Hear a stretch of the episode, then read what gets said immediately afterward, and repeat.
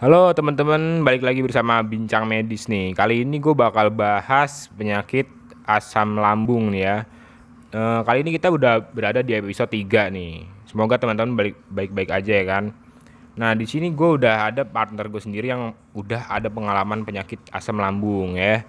Eh, oh ya sebelumnya perkenalkan nama gue Dede dan eh, partner gue siapa? Ngopen kan udah di episode kemarin nih udah pada tahu ya. Oh iya udah tahu ya berarti ya Noven Trainer ya. Eh, Pen, gue sebenernya mau sebelumnya mau nanya nih ya, eh, asam lambung itu kayak gimana sih? Maksudnya eh, ya definisinya lah. Nah ini pokoknya episode ini nih tepat nih karena gue sedang kebetulan nih gue sedang merasakannya juga nih. Tadi malam asam lambung gue naik juga nih jadi agak lebih relate gue ceritanya nih ya. Pokoknya sebelumnya penyakit asam lambung itu adalah ini menurut definisi medisnya ya resminya ya asam lambung itu munculnya rasa terbakar di dada akibat asam lambung yang naik ke kerongkongan gejala penyakit asam lambung itu muncul minimal dua kali dalam seminggu asam lambung naik atau penyakit asam lambung bisa dialami oleh siapa pun baik itu orang dewasa maupun anak-anak deh gitu Oh iya iya iya iya. Jadi eh, bisa nyerang anak-anak maupun orang dewasa ya. Berarti semua umur eh, semua umur ya. Eh, itu awalnya akibatnya gimana sih Pen? Eh, kayak asam lambung gitu?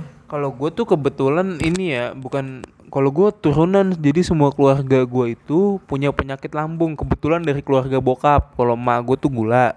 Nah kalau bokap gue tuh asam lambung. Hampir seluruh keluarga dari bokap gue tuh asam lambung. Jadinya menurut gue ini gen kayak keturunan gen aja gitu. Tinggal nunggu waktunya dan kebetulan gue udah kena kemarin. Bukan awal nggak ada awal mulanya mungkin gue udah pasti kena kayak gitu Oh, jadi penyebab lu itu kan keturunan ya kan? Nah, ini maksud gue nih kalau nggak dalam keturunan itu kayak gimana sih? Ada nggak kayak gejala-gejala awalnya gitu? Ya, gue sih kurang tahu ya. cu- Gimana, gimana ya? Mungkin ada kalau gejala-gejala awalnya itu kayak lu sering, yang gue tahu ya, kayak lu sering makan kol atau mungkin sering stres itu biasanya munculin asam lambung naik atau enggak makan lu nggak dijaga. Gue kurang, gue jujur gue kurang tahu banget sih soalnya sekali lagi ya gue gue tuh ke- keturunan bukan yang tiba-tiba gujuk-gujukan asam lambung gitu deh. Jadi gue kurang bisa jelasin juga sih. Oke, oke. Jadi intinya lu nggak- ah, keturunan deh ya, nggak ada apa, nggak ada penyakit awalnya ya. Oh, Oke, oke, oke, oke. Jadi tuh eh, pokoknya kok tadi ada makan kol maksudnya gimana sih? Kol itu kan kol itu tuh setahu gue tuh mengandung gas ya. Jadi kalau untuk orang pengidap asam lambung kayak gua dengan makan kol kol misalkan kalian beli somai deh yang kan ada kolnya tuh. Oke, oke. Cuk, lu makan bulat-bulat nano. Abis itu lu lu bakal langsung ngerasain perut lu bergas, sendawa terus. Nah, dari situ bisa dibilang asam asam lambung naik.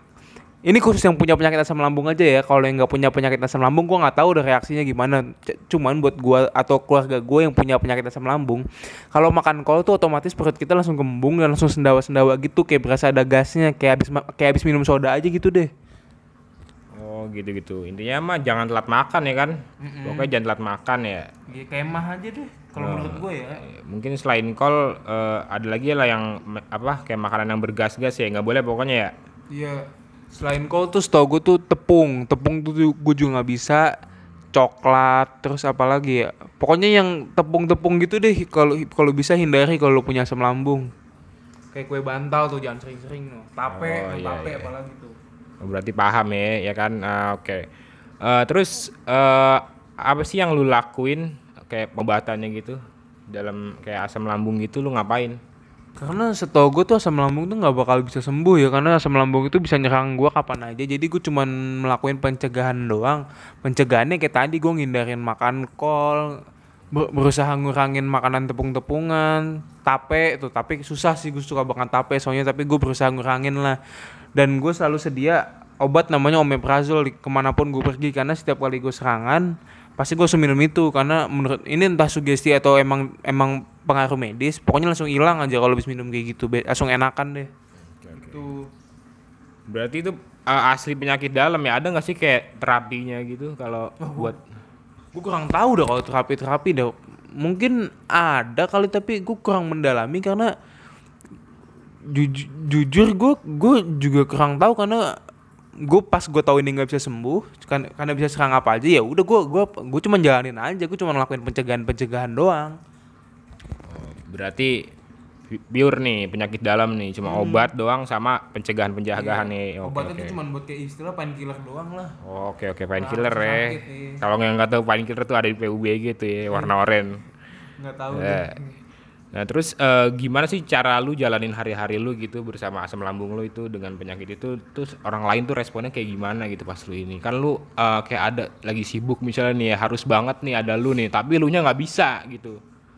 Terus lu tiba-tiba tuh kena gitu. Lu tuh nggak bisa hadir ke acara itu gitu. Terus lu gimana cara ngejalanin hari-hari lu gitu? Ya jalanin aja karena menurut gue asam lambung eh, sekali lagi ya nggak bosan-bosan gue bilang asam lambung itu kan nggak bisa sembuh serangan. Jadi jadi gue jalanin aja tahan. Kebetulan gue udah tahu obat yang namanya omeprazol jadi kalau gue serangan ya gue langsung minum itu. Udah hilang. Sugesti atau entah apa pengaruh medis pokoknya hilang. Jadi kalau misalnya gue lagi di acara nih lagi tengah-tengah acara terus tiba-tiba serangan asam lambung nah gue tinggal minum obat itu. Makanya gue ke mana-mana harus bawa obat itu. Dan jujur orang-orang di sekitar gue kayak teman-teman gue nggak tahu kalau kayaknya nggak ada yang tahu kalau gue asam lambung. Entah nggak tahu atau nggak ada yang peduli juga. Ya pokoknya ya biasa aja lah gitu maksudnya nggak ngaruh ke respon orang lain juga toh gue bisa bisa ngilangin sen- sendirinya dengan obat omeprazol itu Nah itu kan eh, anggaplah itu lu bawa obatnya ya. Nah ini gue bicara kalau lu tuh nggak bawa obatnya gitu. Itu lu gimana gitu? Wah itu kelar sih gua kalau nggak bawa obatnya sih. Gue gue pernah suatu kali sebelum tahu obat yang- ada obat yang namanya omeprazol itu gue stres banget. Gue nggak minum obat. Itu gue tiga hari bener-bener kerjanya di kasur doang. Kerjaan gue cuma sendawa doang. Gak enak banget deh kalau habis minum coca cola dua tong no. Pokoknya gak enak. Pokoknya perut lu gas semua. Terus mau ngapa-ngapain gak enak. Mau napas juga nyesek. Pokoknya nyesek perut lu. Terus mau napas juga gak enak. Pokoknya lu kerjaan lu cuma di kasur doang dan lu nggak bisa ngapa-ngapain deh. Oke berarti lu udah kayak sahabat sendiri sama omeprazol itu ya. Itu best friend gue deh. berarti lu tanpa dia nggak bisa apa-apa Iya, udah. Nothing, Oke, oke, oke. Nothing. Eh, gimana ya? Eh, Oke oke. Berarti eh, untuk pesan-pesan lu ke depannya untuk orang-orang yang penderita itu kayak gimana? Kayak penderita asam lambung juga atau yang nggak berpenderita lah. Pesan lu apa? Pokoknya kalau asam lambung itu lu pencegahannya itu ini khusus buat orang yang asam lambung ya. Untuk bagi kalian yang pengidap penyakit dari asam lambung ini ya hindarin makan-makan yang tadi gue bilang kol, tepung, tape. Terus sama satu nih, lu nggak boleh stres sama sekali karena itu faktor yang paling salah satu faktor yang paling besar dari penyakit asam lambung. Lu nggak boleh dibawa nggak boleh ada di bawah tekanan karena kalau di tekanan lu stres, mental lu down, asam lambung itu bakal secara berangsur bakal naik di perut lu dan bakal bakal bakal serangan secara nggak langsung. Jadi kayak gue sekarang aja kalau udah masalah ya jangan di, jangan dibawa stres-stres banget lah, ketawain aja gitu. Udah sih gitu aja kalau asam lambung ya. Sama jangan telat makan dah.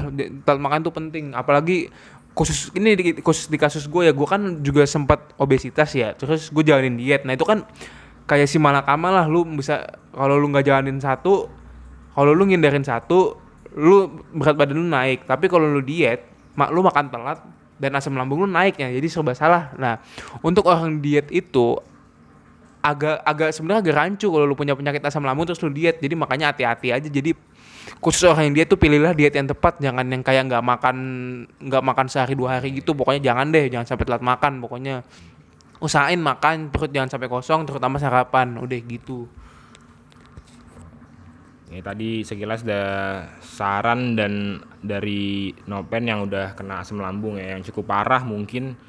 Tapi eh, ini cuma dia se- sengulas tentang asam lambung yang ada apa? Ada di keturunan dia. Jadi nggak Iya belum Uh-uh, tahu kalau belum- secara kalau misalnya Uh-uh. gue juga belum tahu jujur kalau gujuk-gujuk tiba-tiba kena asam lambung itu gimana gue juga belum tahu mungkin kalian ada yang kalau ada yang punya pengalaman penyakit asam lambung yang bukan dari keturunan bisa cerita-cerita lah ke kita lah ya, atau tulis di kolom komentar lah. Heeh. Nah, Tuh kayak. Jadi eh, tadi saran dari Noven tuh ya mudah-mudahan tuh berguna banget sih Eh, apalagi untuk ini apa sih yang takut banget asam lambung atau udah ada yang keciri gitu yang sakit-sakitnya sama kayak abis minum Coca-Cola segalon. Eh, Pen ada nggak sih eh, poin-poin yang paling penting deh untuk apa untuk mencegah gitu? Ada nggak? Tadi udah gue bilang ya di sebelumnya sama sih ya pokoknya jangan stres sama jaga makan sama jangan telat makan. Kalau yang kalau yang gue tangkap sih itu dari penyakit gue ini. dan gue jujur bukan orang yang cukup disiplin dalam hal, -hal gituan jadi gue jujur nih gue baru tadi malam nih baru, baru aja kena karena gue nekat gue begadang terus tiba-tiba semalam gue mutusin buat minum coklat dan perut gue dalam keadaan kosong semalam. Nah, jadi udah deh kelar deh gue nih sekarang gue lagi, lagi, lagi lemas banget ngadepin asam lambung gue ya pokoknya gitu deh jangan sampai telat makan jangan sampai minum yang aneh-aneh kalau perut kosong. Itu bisa jadi pemicu pemicu asam lambung juga. Oke dia jangan telat makan jangan stres sama jangan diet ya Pen ya?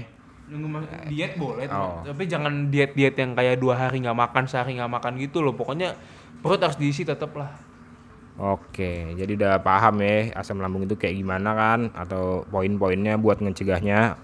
Uh, Oke, mungkin segitu aja sih dari gua sama Nopen di bincang medis ini. Semoga berguna banget uh, buat lu mencegah asam lambung ya kan.